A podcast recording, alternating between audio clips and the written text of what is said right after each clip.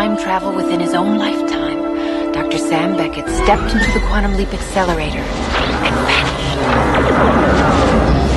This time we Jeg begynte å samle på låter om Tulsa den 1. juli 2000.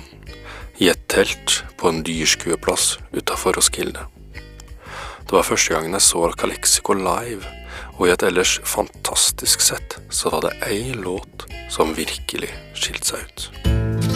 Hei, nå hører du på en versjon av denne sendinga hvor vi har eh, tatt ut musikken av rettighetshensyn. Om du har lyst til å ha eh, musikk i musikkradioen din, så finner du hele sendinga med låtene i på radiotidsmaskin.no.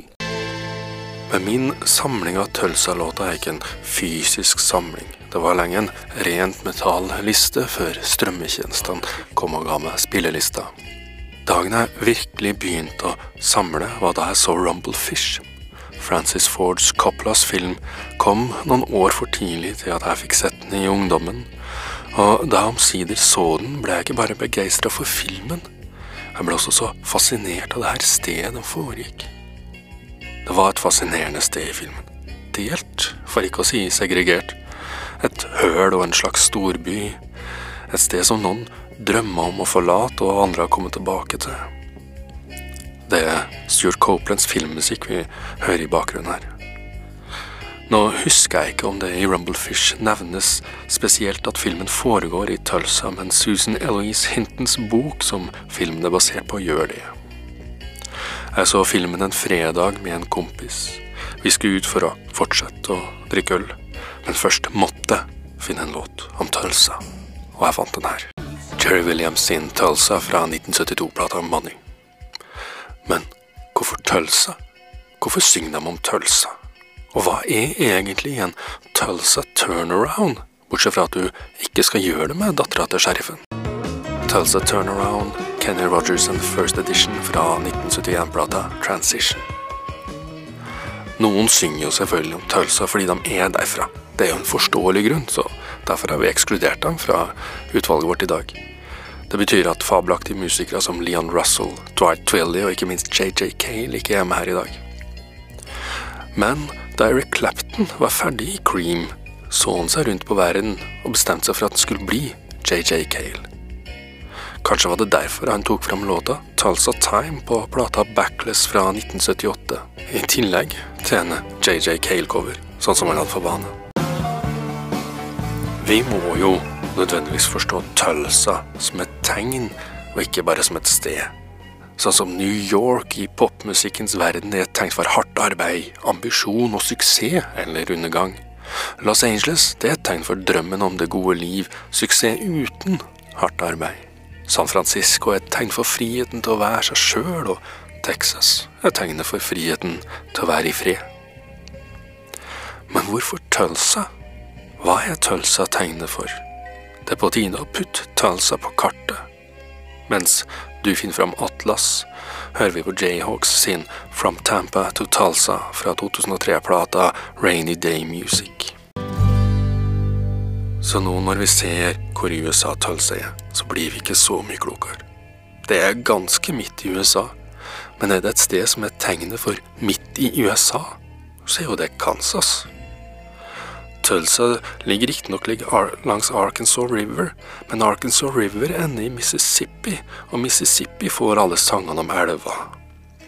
Tulsa er ikke sentralt, men det er heller ikke øde. Det er en by på størrelse med Oslo. Litt under en halv million innbyggere i byen, en mil, halv million til i områdene rundt. Kanskje er det så enkelt som at det er alliterasjon? At Tulsa er hvilket som helst sted T?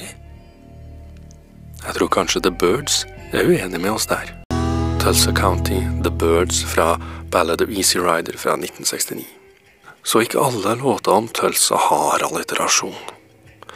Men alle låtene jeg har funnet om Tulsa, har noe annet til felles. De handler enten om å dra til eller fra Tulsa. Med det ene unntaket som er Tulsa Turnaround, for den handler om å rømme fra Omaha. Tulsa Queen, Emmylou Harris, Luxury Liner fra 1977. Så Tulsa er et tegn for reise. Hvorfor det? I 1925 starta Tulsa-mannen Cyrus Ivory en kampanje for å få bygga en vei som kunne knytte Chicago i øst sammen med Los Angeles i vest. Den veien ble hetende Route 66. Så det er urettferdig, egentlig, at de fleste versjonene av den der berømte låta ikke tar seg tid til å nevne The Birthplace of Route 66. Men Perry Como sin versjon fra 1959-plata Como Swings, den har et par ekstra vers. Låta er for øvrig skrevet av Bobby Trope, med et betydelig bidrag fra kona Cynthia. Trope var på vei fra Pennsylvania til California for å slå seg opp som låtskriver. Han ville skrive en låt om US 40, som var veien de kjørte langs. Men da de svingte inn på Route 66, foreslo Cynthia tittelen Get Your Kicks on Route 66. Da kan vi også kanskje få svar på hvor Gene Pitney stoppa den der skjebnesvangre natta på vei til Tulsa i 1963. Vi antar at den planla så for natta, og så kjøre videre hele dag, og nå Tulsa kvelden etterpå. I 1968 kom det ca. 300 miles på en titimers kjøretur. 289 miles nordøst for Tulsa langs dagens E44 og langs den gangens Route 66 finner vi byen Rolla. Kanskje ikke så kjent, og det er kanskje ikke så rart heller, for med sine 20 000 innbyggere er det ikke en spesielt stor by. Men byen har et anerkjent universitet i Missouri University of Science and Technology. De har vingårder, og de har hovedkvarteret til Mark Twain National Forest. Så Gene, Dusty og alle de andre som har stranda på veien østover, har noe å holde på med, i det minste. Dusty Springfield, 24 Hours from Tulsa, fra 1964, og plata A Girl Called Dusty. Men de her låtene har jo mer til felles enn at de handler om Tulsa og om reiser.